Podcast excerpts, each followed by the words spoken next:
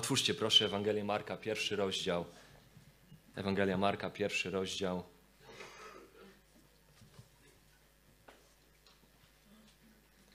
Przeczytamy wersety od 16 do 20. To jest ten fragment, który jest kolejny w kolejności. Tego, jak przechodzimy przez tę historię, którą opisuje dla nas Marek, relacjonuje Marek. I dzisiaj czytamy od wersetu 16.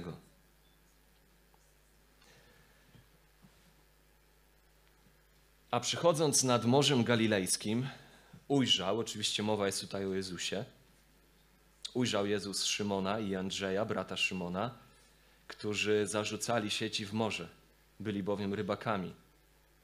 I rzekł do nich Jezus: Pójdźcie za mną, a sprawię, że staniecie się rybakami ludzi. I zaraz porzucili sieci i poszli za nim. A gdy postąpił nieco dalej, ujrzał Jakuba, syna Zebedeusza oraz brata jego Jana, którzy byli w łodzi i naprawiali sieci. I zaraz powołał ich, a oni, pozostawiwszy ojca swego Zebedeusza z najemnikami w łodzi, poszli za nim. Dzisiaj na temat stawania się uczniem Jezusa i byciem uczniem Jezusa. I musimy zrozumieć wagę tego tematu, istotę tego tematu. Niezwykle istotny jest, dlatego że największe zagrożenia dla Kościoła to nie są te zagrożenia, które płyną z zewnątrz. E, historia Kościoła nawet pokazuje nam, że kiedy z zewnątrz jest jakieś zagrożenie dla Kościoła, ono de facto wzmacnia Kościół. Kościół nie ginie na przestrzeni wieków, prześladowany, stawiający czoła przeróżnym rodzajom opozycji, tak naprawdę umacnia się. Natomiast zagrożenia, które pojawiają się z wewnątrz, mają skłonność niszczyć Kościół. E, takich zagrożeń może być wiele. Jednym z największych zagrożeń, przed jakim ostrzega Biblia, zagrożeń, które pochodzi z wewnątrz, jest zagrożenie fałszywych nauczycieli. Nawet tych, którzy powstaną spośród was, mówi słowo, którzy będą głosić nauki zwodnicze, ludzkie, którzy tak naprawdę poświęcą prawdy Bożego Słowa na rzecz nauk ludzkich, wymyślonych przez człowieka. To będzie jedno zagrożenie. To jest jedna z tych rzeczy, która niszczy Kościół. Inną rzeczą, która niszczy Kościół, jest deformowanie rozumienia tego, co to znaczy być chrześcijaninem, co to znaczy być Chrystusowcem, co to znaczy być uczniem Jezusa. Kiedy tę rzecz zdeformujemy, kiedy Kościół zaczyna źle rozumieć, co to znaczy tak naprawdę iść za Jezusem, to niszczy Kościół. To osłabia świadectwo Kościoła. To tak naprawdę burzy, deformuje tak naprawdę chrześcijaństwo. To jest temat więc niezwykle istotny, byśmy zrozumieli, co to tak naprawdę znaczy stawać się uczniem Jezusa i być uczniem Jezusa. I kiedy patrzymy na tę historię, to pierwsze, co widzimy, co się wyłania z tego fragmentu, pierwszy punkt na temat bycia i stawania się uczniem Jezusa brzmi tak. W centrum stawania się uczniem Jezusa, w centrum bycia uczniem Jezusa stoi Chrystus. Stoi Chrystus. Jak patrzymy na ten fragment, to widzimy, że w centrum tego całego fragmentu stoi właśnie Jezus. To On jest podmiotem wszystkiego, co tutaj się dzieje. To On jest tym, który opisuje nam Marek, na Niego kładzie nacisk, na Niego jakby skupia obiektyw i mówi to o Nim. To On jest tym, który przechodzi nad brzegiem jeziora. To On jest tym, który zauważa czterech rybaków. To On jest tym, który podjął inicjatywę. To On jest tym, który ich znalazł. To On jest tym, który ich wzywa. Pójdźcie za mną, za mną pójdźcie. I to On definiuje ich nową życiową misję. Wszystko skupia się na nim. Oni natomiast są ukazani jedynie jako ci, którzy odpowiadają natychmiastowo i całkowicie. Szymon i Andrzej, czytamy, porzucają sieci, Jakub i Jan zostawiają ojca i idą za Jezusem. Widzimy w tym fragmencie, jak obecność Jezusa jest w pewien sposób pochłaniająca, magnetyczna. Jego autorytet jest przemożny. Kiedy On przemawia, ich serca idą za Nim. Jego wezwanie, Jego wezwanie ich jest nieodparte. Jezus postępuje tutaj kompletnie inaczej od ówczesnych sobie rabinów i uczonych w piśmie, nauczycieli. Musimy zrozumieć, że rabini nigdy nie inicjowali relacji nauczyciel-uczeń poprzez wzywanie kogokolwiek słowami pójdź za mną. To jest coś, co tutaj, to co widzimy tutaj, wezwanie Jezusa jako tego, który jest nauczycielem, mistrzem, który wzywa swoich uczniów, jest niespotykane w pismach starożytnych. To nie było zwyczajem. Zostanie uczniem jakiegoś rabina zależne było od inicjatywy studenta, od wkupywania się we względy tego rabina. Ale ja jako uczeń znajdowałem rabina, który mi imponował, u którego chciałem się uczyć i musiałem w jakiś sposób mu zaimponować, w jakiś sposób wkupić się w jego łaski, w jakiś sposób wyprosić, żeby on przyjął mnie na swojego ucznia. I on albo mnie przyjął, albo nie. Co więcej, ani Mojżesz, ani królowie Izraela, ani prorocy Starego Testamentu nie wzywają ludzi, by poszli za nimi. Jest coś, co jest nieobecne w Starym Testamencie. Wzywają ludzi, by poszli Bożymi ścieżkami, by poszli Bożymi drogami, żeby chodzili według Bożych praw i według ustaw, jak chociażby 5 Mojżeszowa 5:30 nas uczy. Ale nie bezpośrednio, żeby szli za nimi jako ludźmi. Tutaj natomiast Jezus pojawia się z ogromnym autorytetem i wzywa tych rybaków, by poszli za nim. Swojego wezwania, co więcej, nie opiera na autorytecie Tory, nie opiera na autorytecie pięcioksiągu, prawa starotestamentowego, w ogóle nie opiera na autorytecie Starego Testamentu, nawet nie opiera swojego wezwania na autorytecie Bożym, a jedynie na swoim własnym, jako ten, który sam w sobie ma boski autorytet. Pójdźcie za mną. Ten, który przychodzi z autorytetem mesjańskim, tak jak przedstawiło go wcześniejsze te 15 wersetów Ewangelii Marka w bardzo wyraźny sposób. I dla Marka reakcja rybaków, by pójść za Jezusem, to zauważmy, że nie jest opisana jako kwestia jakiejś wykalkulowanej przez nich decyzji, odpowiedzi na przykład na jakiś cud Jezusa, który akurat zobaczyli, no i to ich przekonało, albo na korzyści, które pomyśleli, że mogą z tego mieć. Nie tak jest opisana ta historia. W centrum pójścia tych rybaków za Jezusem w ogóle nie stoją ci rybacy. W ogóle obiektyw nie skupia się na nich.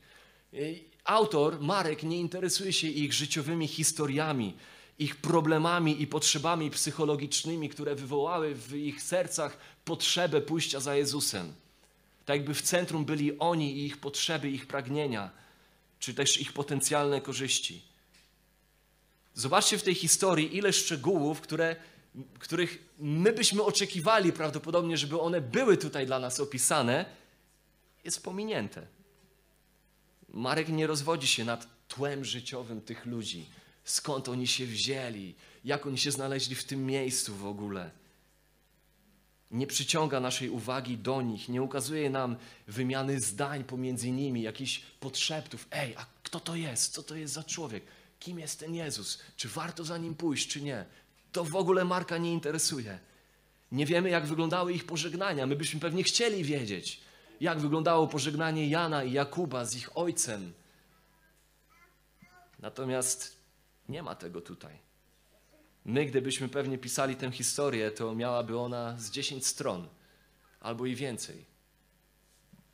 Chcielibyśmy ukazać życie tych rybaków, przenieść, przesunąć skupienie na nich, tak jak na przykład robi to chociażby film The Chosen, jeżeli jeszcze nie oglądaliśmy.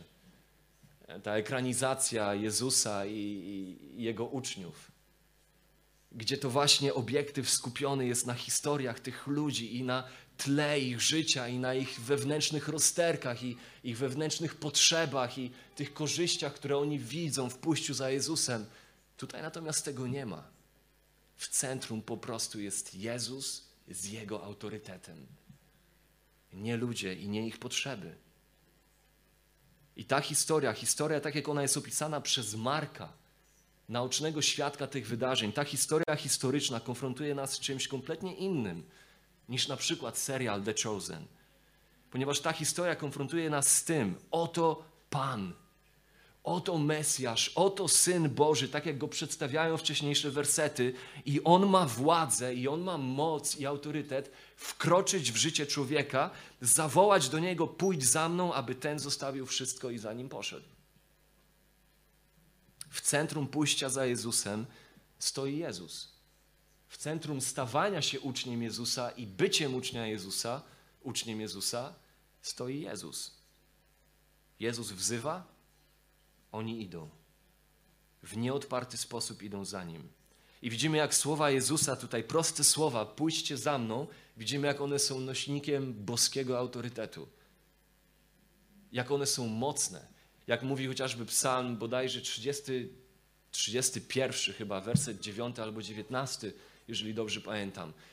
Kiedy, gdzie tam jest opis mocy Bożych słów, że kiedy Bóg przemawia swoimi słowami, ustanawia filary ziemi, filary świata.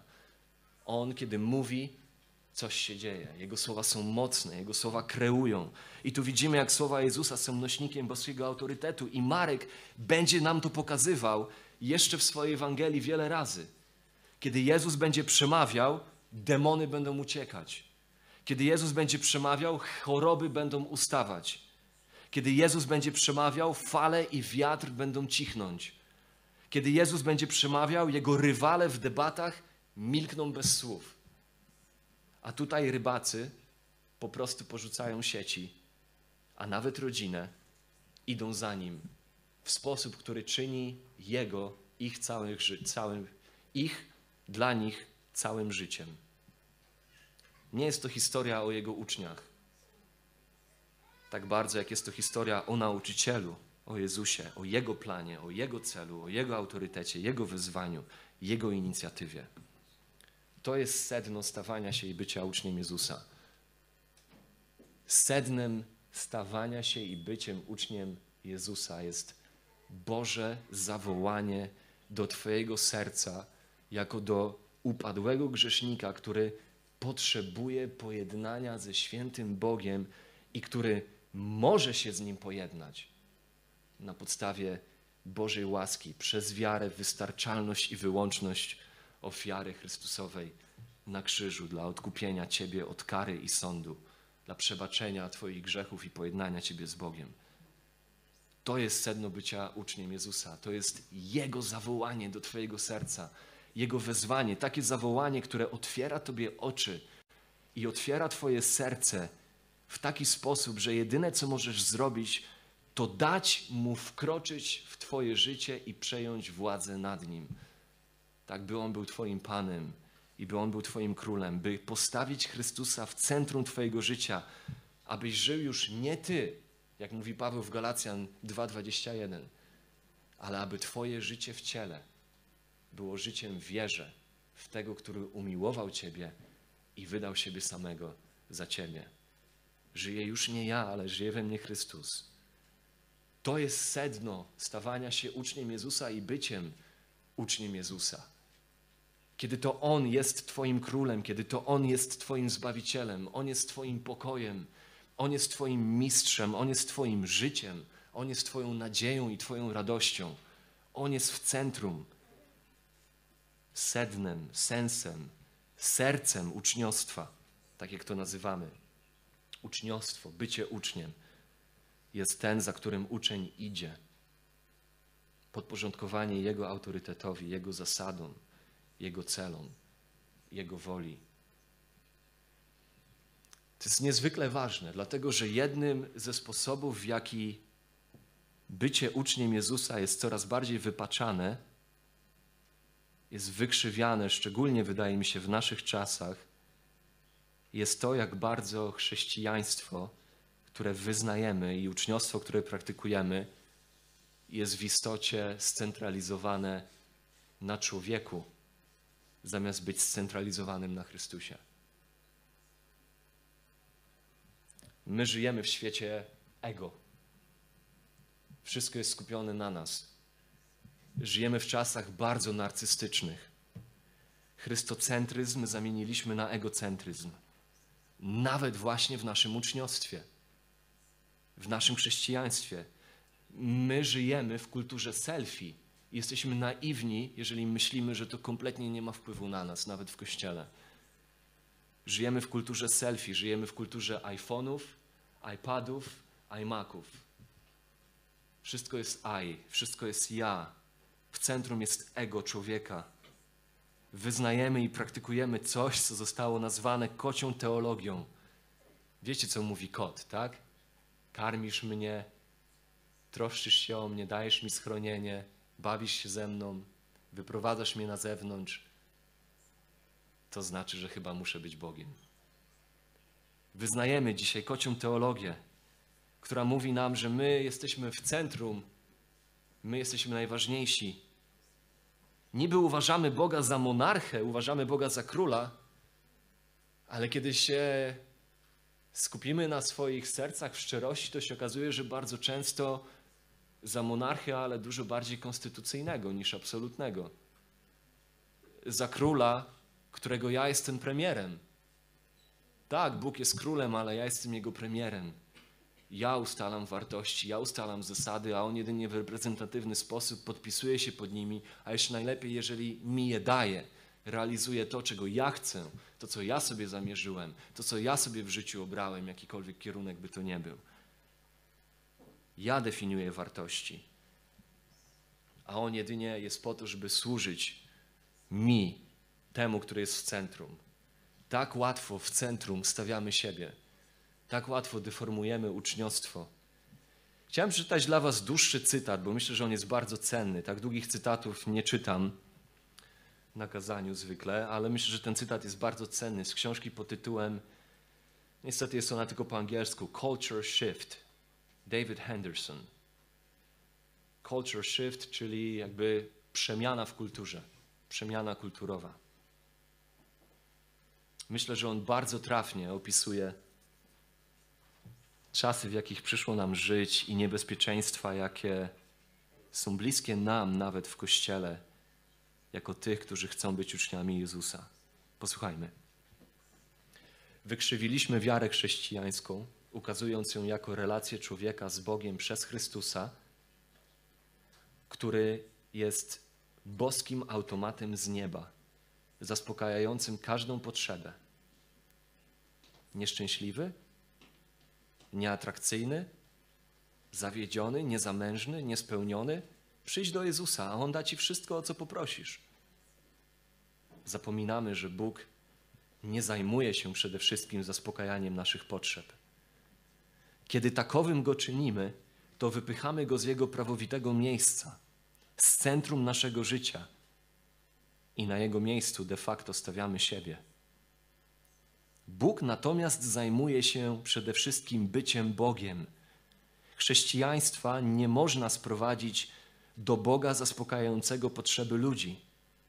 A kiedy próbujemy to robić, nieuchronnie wypaczamy część chrześcijańskiego przesłania. Bożym planem jest ukazywanie Jego chwały i szerzenie Jego królestwa po całym świecie. To wzywanie ludzi do ugięcia kolan, złożenia pokłonu przed Nim w adoracji, oddaniu, zależności i służbie. To zapraszanie mężczyzn i kobiet z pustej pogoni za życiem dla siebie i życia pochłoniętego sobą. Chrześcijaństwo to uczynienie z Jego naśladowców, z mężczyzn i kobiet o głębokiej wierze i charakterze, ludzi podobnych do Chrystusa, z którymi Bóg upodobał sobie spędzić wieczność. Samo używanie naszych potrzeb jako głównej podstawy do nadawania sensu życiu chrześcijańskiemu automatycznie odsuwa nas od sposobu, w jaki wierzący rozumieli wiarę przez wieki. Czemu? Ponieważ Bóg nie jest wtedy w centrum uwagi. Terminy takie jak miłość do siebie, wyrażanie siebie, pewność siebie, realizowanie siebie, z których żaden nie pojawia się na kartach Pisma Świętego, zaczynają dominować język Kościoła. Tymczasem inne słowa o sobie, które pochodzą prosto z Biblii, takie jak poddawanie siebie, poświęcanie siebie, zapieranie się siebie, panowanie nad sobą, wychodzą z użycia. Ego w centrum. Wielkie i miażdżące. Niszczy ideę świętego Boga, upadłego ja, niezasłużonego daru łaski, jaki jest w Chrystusie Jezusie i boskiego wezwania, by oddać całe życie Jemu. I kiedy tak się dzieje, możemy głosić, możemy dzielić się wiarą, ale to, co przekazujemy, nie jest prawdziwym chrześcijaństwem. W chrześcijaństwie jednym z miejsc, w których ja nie mogę być, jest centrum. to miejsce jest właściwe tylko dla samego Boga. Myślę, że bardzo celna diagnoza współczesnego chrześcijaństwa. W centrum uczniostwa nigdy nie może stać pytanie, a co ja z tego będę miał? I to jest dokładnie to, co widzimy w tej relacji.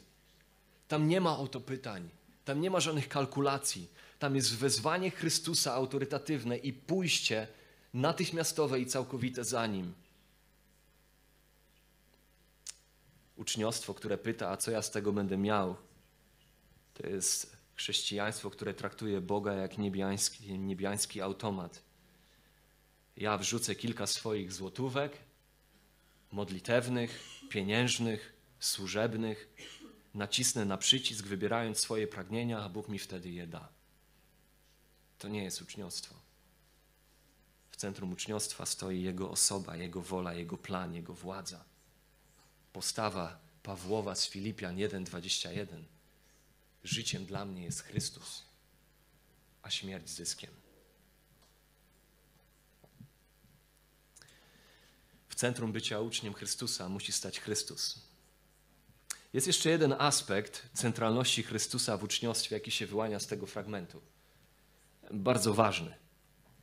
Zauważmy, że po tych tak naprawdę 13 wersetach prologu, bo te 13 pierwszych wersetów, no może 14-15 też, on jest takim przejściowym fragmentem, no ale po tych pierwszych wersetach prologu, odsłaniając nam tożsamość Jezusa Chrystusa z Nazaretu Galilejskiego, tak jak robi to Marek, jako tego, który był zapowiadany przed setkami lat, obiecany Mesjasz, ten, który jest opisany w tych pierwszych wersetach jako ten, który jest mocniejszy od wszystkich, którzy byli przed nim, sam Boży Syn, jak głos z nieba odzywający się w spektakularny sposób i ogłaszający jego tożsamość, czysty i święty, który ma moc oprzeć się największemu z wrogów, któremu jeszcze nikt przed nim się nigdy nie oparł i ma moc go pokonać. Wersety 14-15 w Ewangelii Marka następuje ogłoszenie jego publicznej służby w Galilei, jako tego, który przyszedł z wzniosłym i odważnym przesłaniem. Przypomnijmy sobie, werset 15. Wypełnił się czas i oto przybliżyło się Królestwo Boże. Upamiętajcie się i uwierzcie Ewangelii. Pompatyczne słowa, bardzo wzniosłe słowa. Po tym wstępie, po tym prologu. Oto wielkość Chrystusa i oto Chrystus przychodzi ze swoim wezwaniem, przynosi królestwo. Czas się wypełnił. Po takim wstępie chyba każdy uważny czytelnik jest gotowy na jakiś spektakularny czyn. Czego się spodziewać po takim wstępie, jeżeli nie jakiegoś wielkiego cudu, nie jakiejś manifestacji teraz tej mocy, tej boskości Chrystusa, czegoś o kosmicznym znaczeniu, a przynajmniej o znaczeniu narodowym dla Izraela, albo przynajmniej jakiegoś wielkiego, budzącego podziw przemówienia. To są rzeczy, których byśmy się spodziewali po 15 wersecie. A zamiast tego widzimy co? Widzimy Jezusa spokojnie przechadzającego się brzegiem jeziora, gdzieś tam w okolicy mało znaczącej wioski, miasteczka, bez fanfarów, bez fajerwerków, bez widowiskowych cudów, bez porywającego jakiegoś publicznego przemówienia, tak po prostu, wzywającego czterech ludzi, bardzo prostych ludzi, nie białych kołnierzyków nawet, ale niebieskich kołnierzyków, jak to się mówi. Prostych ludzi, rybaków, żeby poszli za nim, byli jego uczniami, przyłączyli się do niego w jego misji. Bardzo zwykłych, społecznie niewiele znaczących ludzi, wydaje się, że z niezbyt wielkim potencjałem do tego, by zrealizować tą misję, która została chociażby ogłoszona w 15 wersecie. I czyż to nie jest niezwykłe? Czyż to nie jest niezwykłe, że Jezus wzywa tak zwykłych ludzi, w pewien sposób niewykształconych, ze wszystkimi ich wadami, słabościami, ułomnościami, aby właśnie ich uczynić instrumentami swojej łaski i swojej chwały dla zbawienia wielu aby uczynić z nich liderów, którzy przez swoją służbę i poświęcenie złożą przed światem świadectwo, które obróci świat do góry nogami. bo to jest dokładnie to, co się stanie przez najbliższe kilkadziesiąt lat. On uczyni ich, jak tutaj sam mówi, rybakami ludzi. Zmieni ich, uczyni kimś, kim do tej pory nie byli i użyje ich. Użyje ich, by łowić ludzi dla Królestwa Bożego. I ta czwórka, którą tutaj spotykamy, to Szymon. Szymon, możemy go nazwać Szymon Porywczy, który otrzymuje od Jezusa przydomek Piotr, skała, czasami nazywany Szymonem Piotrem, czasami tylko Piotrem, zawsze opisany jako pierwszy w spisach apostołów. Wydaje się, że był liderem w tej grupie, którą Jezus powołał do grona najbliższych uczniów. Dalej mamy Andrzeja, brata Piotra. Andrzej to jest ten, który zawsze przyprowadza innych do Jezusa. On jest tym, który jako pierwszy przedstawił Jezusa Szymonowi, swojemu bratu. Rok wcześniej oni już poznali Jezusa, zobaczyli go, dowiedzieli się o nim. Opisuje to Jan w pierwszym rozdziale, wersety 40 do 42. Jakub, syn Zebedeusza, inny od Jakuba, syna Alfeusza, to był inny apostoł, oraz od Jakuba, brata Jezusa. Ten Jakub tutaj to ten, który został pojmany przez Heroda Agrypę, dzieje apostolskie, 12 rozdział i został stracony. Był pierwszym, który jako męczennik ze względu na wiarę w Chrystusa został stracony. On i jego brat Jan zostali nazwani synami gromu, byli nazwani synami gromu. Trzeci rozdział, 17 werset Ewangelii Marka. Taki przydomek otrzymują. Też prawdopodobnie byli porywczy. Widzimy ich porywczość zresztą kiedy to ogień z nieba chcą sprowadzić na miasta, które odrzucają Jezusa. No i Jan. Najprawdopodobniej to ten, który napisał Ewangelię Jana, trzy listy Jana oraz objawienie, księgę objawienia, ostatnią księgę Nowego Testamentu, kiedy był na wyspie Patmos wysłany, gdzie spędził resztę swoich dni. To jest ten, który jest nazwany uczniem, którego miłował Pan który wydaje się, że był szczególnie bliski Jezusowi. Wszyscy oni to prości rybacy. I to właśnie takich ludzi wybrał Jezus, aby byli filarami czegoś, co miało zmienić świat. Nie wiem, czy tak naprawdę pojmujemy jakby wagę tego, co tutaj się dzieje, albo tak naprawdę małość w pewnym sensie tego, co tutaj się dzieje. To nie jest coś spektakularnego. To są osoby, które jak czytamy dalej w Ewangeliach, prezentowały przeróżne słabości. Piotr, który zawsze szybciej mówi niż myśli, składa wielkie deklaracje, a w najważniejszym momencie wypiera się Jezusa. Jakub i Jan, którzy bardziej martwili się o to, kto będzie najważniejszy w Królestwie Bożym, niż tym, żeby służyć Królestwu. Obawiam się, że gdybyśmy to my powoływali uczniów, to chyba byśmy szukali innych opcji. Chyba byśmy poszli w inne miejsca. Niezwykłe jest to, że Jezus jednak ich powołuje. Ludzi w ogromnej potrzebie łaski do tego, żeby byli instrumentami łaski.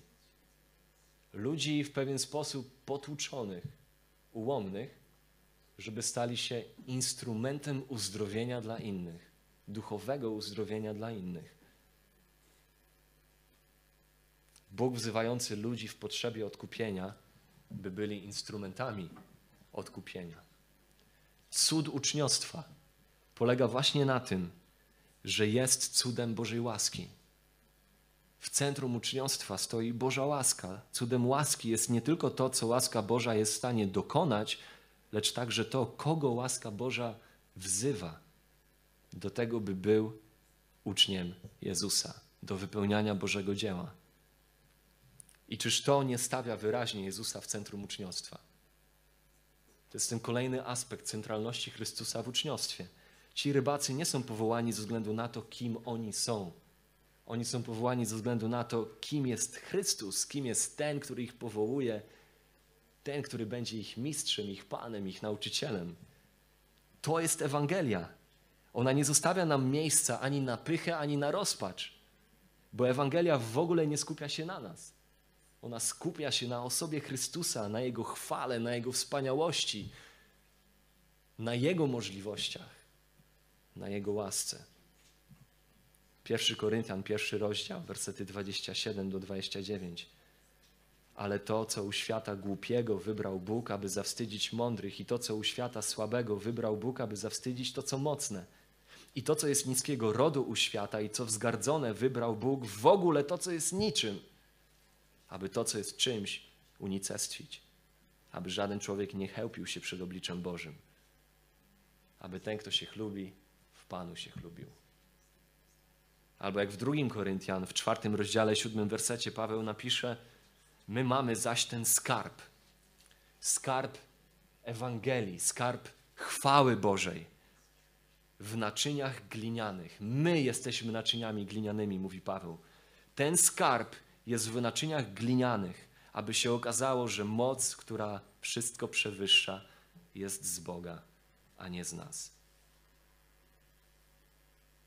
Historia każdego człowieka Bożego, każdego ucznia Jezusa, historia każdego uczniostwa jest historią bałaganu, jest historią słabości, historią ułomności. Abraham, Mojżesz, Dawid, uczniowie Jezusa Nowego Testamentu. Biblia nie jest historią o szlachetnych, niezwykle mądrych, wspaniałych ludziach, którzy w wyniku swojej wyjątkowości podjęli serię dobrych decyzji. To nie jest sedno uczniostwa. To nie jest historia Biblii. Biblia jest historią chwały Bożej w życiu ludzi, którzy są rozbici, popękani, ułomni. Jest historią łaski Bożej, która dosięga i ratuje i czyni bezużytecznych użytecznymi w dziele chwały Bożej. To jest sedno uczniostwa. To jest tak ważne, bo w momencie, w którym chciałbyś powiedzieć, w sumie to chciałbym być uczniem Jezusa, użytecznym dla Jego dobrych celów, znającym Go i używanym przez Niego, ale przecież jestem do niczego. Nie mam nic do zaoferowania. Jestem popękany i ułomny. To wtedy możesz powołać się na prawdy o Bożej łasce, biblijne prawdy o Bożej łasce, pójść pod krzyż, chwycić się łaski, spojrzeć z podziwem i wdzięcznością i ufnością na piękno prawdy o tym, że Bóg upodobał sobie umieszczać swój skarb w naczyniach glinianych, takich jak ty. Aby w ten sposób ukazywać, że moc, która wszystko przewyższa, nie jest z ciebie, ale z Niego. To jest przesłanie uczniostwa. Jezus w centrum. Bez względu na swoją ułomność, popękanie, zagubienie, słabość, wstań i idź za Jezusem. Oddaj się Jego misji i patrz, co Bóg będzie robił z tymi, którzy idą za Jego Synem. Obserwuj, co Bóg będzie robił z tymi popękanymi, ułomnymi ludźmi.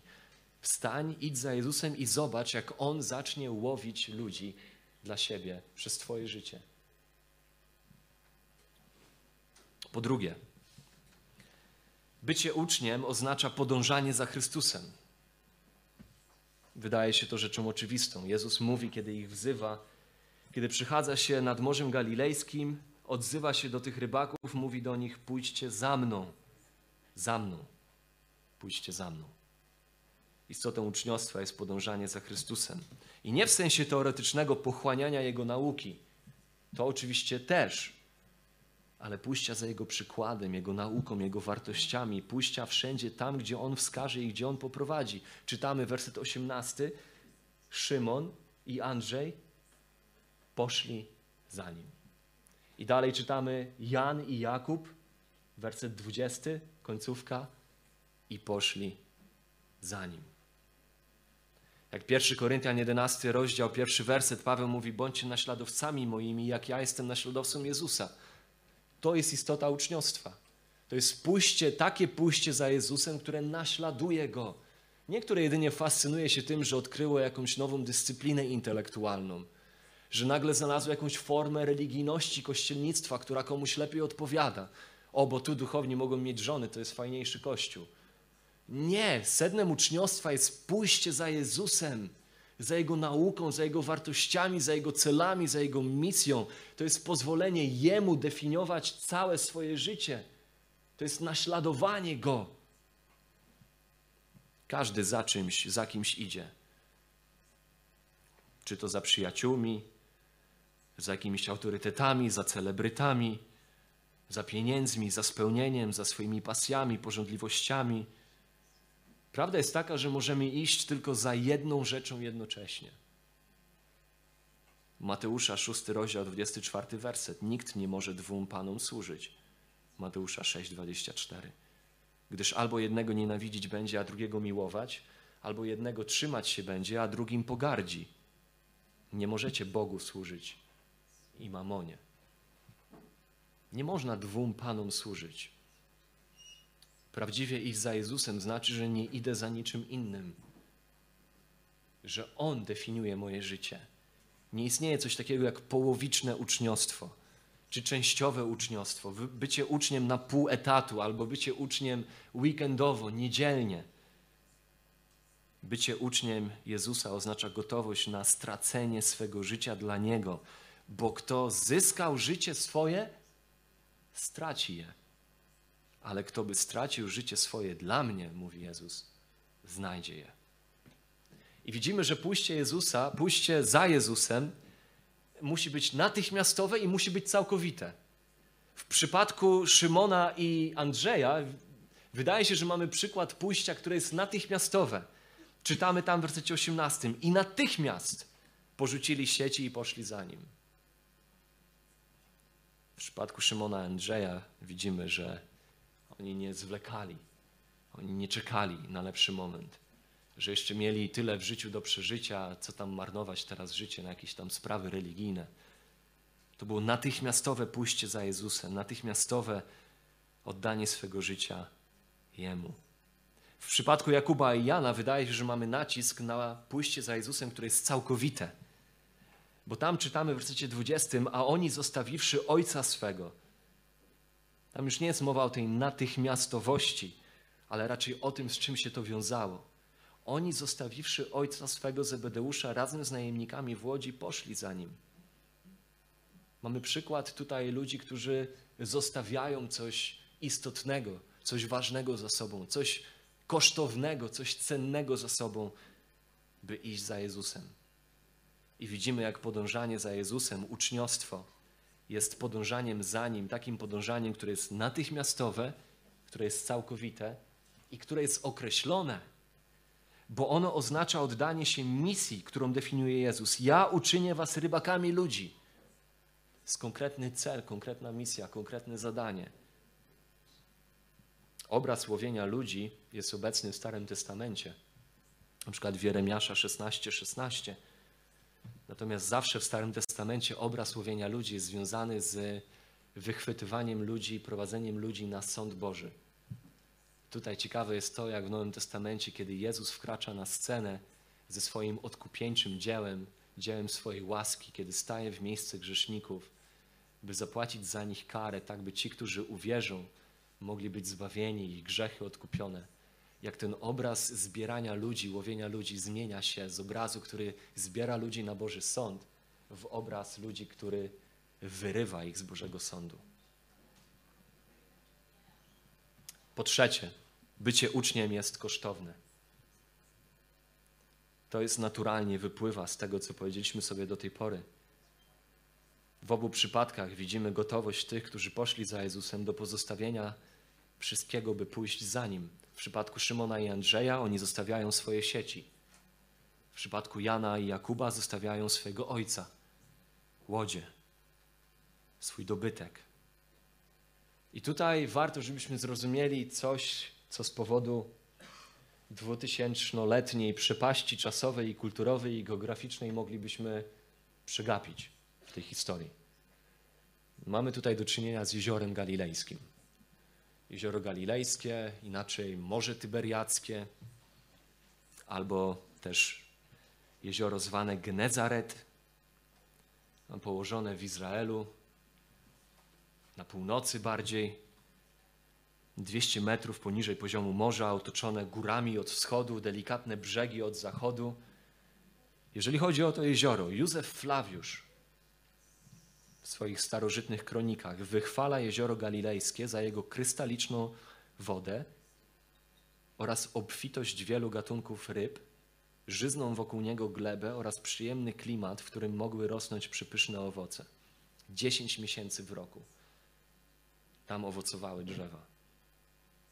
O całym regionie pisał, że był to region, którym natura mogła się chlubić. Czytamy, Jezus ujrzał Szymona Andrzeja, brata Szymona, zarzucali sieci właśnie nad tym jeziorem, byli bowiem rybakami.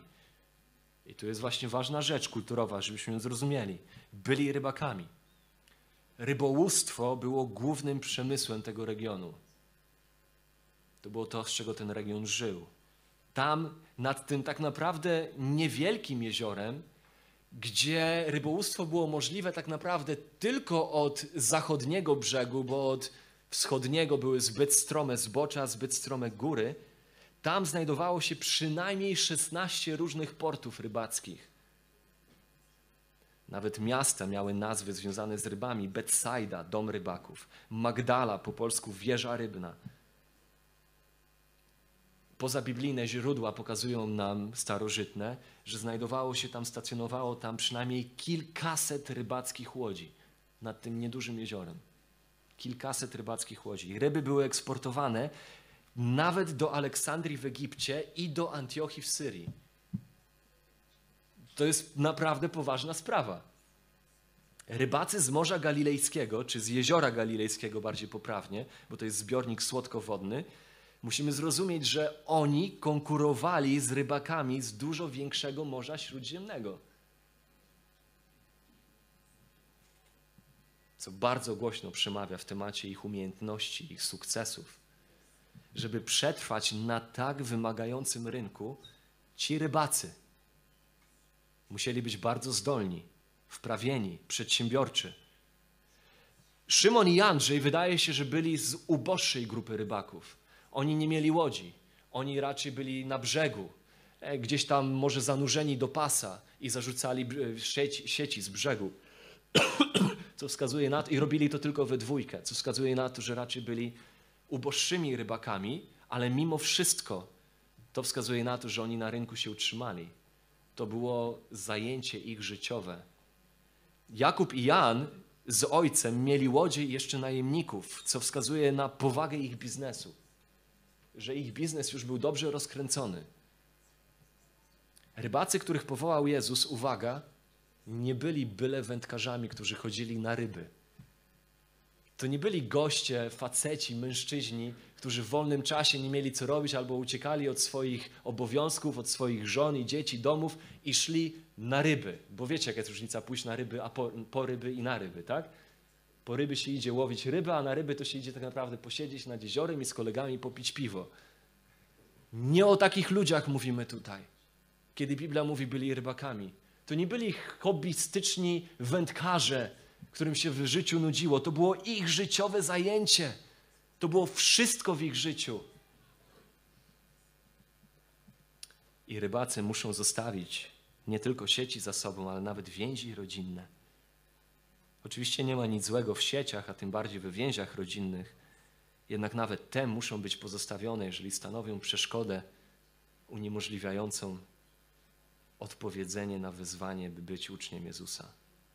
To było szokujące stwierdzenie, szczególnie to, o którym czytamy w 20 wersecie, wręcz bluźniercze w pierwszym wieku, kiedy szacunek do rodziców uważany był za jedną z najwyższych wartości, że Jakub i Jan zostawiają swojego ojca Zebedeusza ale uczniostwo zawiera koszt. Ono jest kosztowne. Jeżeli chodzenie za Jezusem nic ciebie nie kosztuje, to musisz poważnie zastanowić się nad tym, czy ty faktycznie chodzisz za Jezusem. Przez całą Ewangelię Marka widzimy, że wymogi królestwa są radykalne. One uwzględniają pozostawianie bogactwa, dziesiąty rozdział, rodziny, trzeci rozdział, dziesiąty rozdział, czy też zapieranie się samego siebie. Więc tak oto kończymy tą historię. Widzimy, że bycie uczniem Jezusa nie jest czymś, co jest połowiczne, co jest jedynie zewnętrznym wyrazem religijności, aniżeli w pełni oddanym sercem. To jest tak naprawdę to, czego brakowało ludowi Bożemu w Starym Testamencie, co wywoływało wielokrotnie gniew Boży.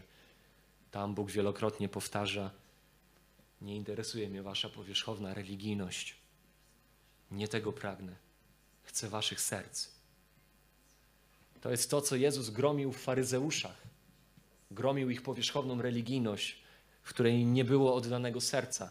Mateusza 7:6. Słusznie prorok Izajasz powiedział o was obłudnikach, jak jest napisane: Ten lud czci mnie wargami, lecz sercem swym daleko jest ode mnie. Tu widzimy kompletnie inny obraz uczniostwa. Bóg pragnie, by nasze serca były Mu oddane, nasze myśli, nasze motywacje, nasze najgłębsze pragnienia, cele, ambicje. Byśmy wyznali i porzucili swoje własne panowanie nad swoim życiem i poddali się Jemu. To jest istota chrześcijaństwa. Poddali się Jego wezwaniu, uznali nad sobą Jego autorytet. Autorytet nad wszystkim. Jego autorytet nad moją pracą, nad moją rodziną, nad moją rozrywką, nad moimi posiadłościami, nad moimi przyjaźniami. Tak byśmy pytali nie o to, co uczyni nas szczęśliwymi, jak to byśmy my byli w centrum uczniostwa, ale czego mój Zbawiciel i Pan chce, bym zrobił ze swoim życiem. I oczywiście, kiedy spojrzy się na to wszystko, na to, co to znaczy być uczniem, stawiać go w centrum, poddawać się jemu, być posłusznym, podążać za nim, ponosić koszt, no to nie da się nie powiedzieć, to są rzeczy zbyt wzniosłe, zbyt wielkie, zbyt trudne. Któż mógłby je udźwignąć? I tak powinno być. Powinniśmy rozumieć, że uczniostwo nie jest rzeczą trudną. Pójście za Jezusem nie jest rzeczą trudną. Jest rzeczą niemożliwą dla człowieka. Ale jest cudem Jego łaski, Jego wezwania.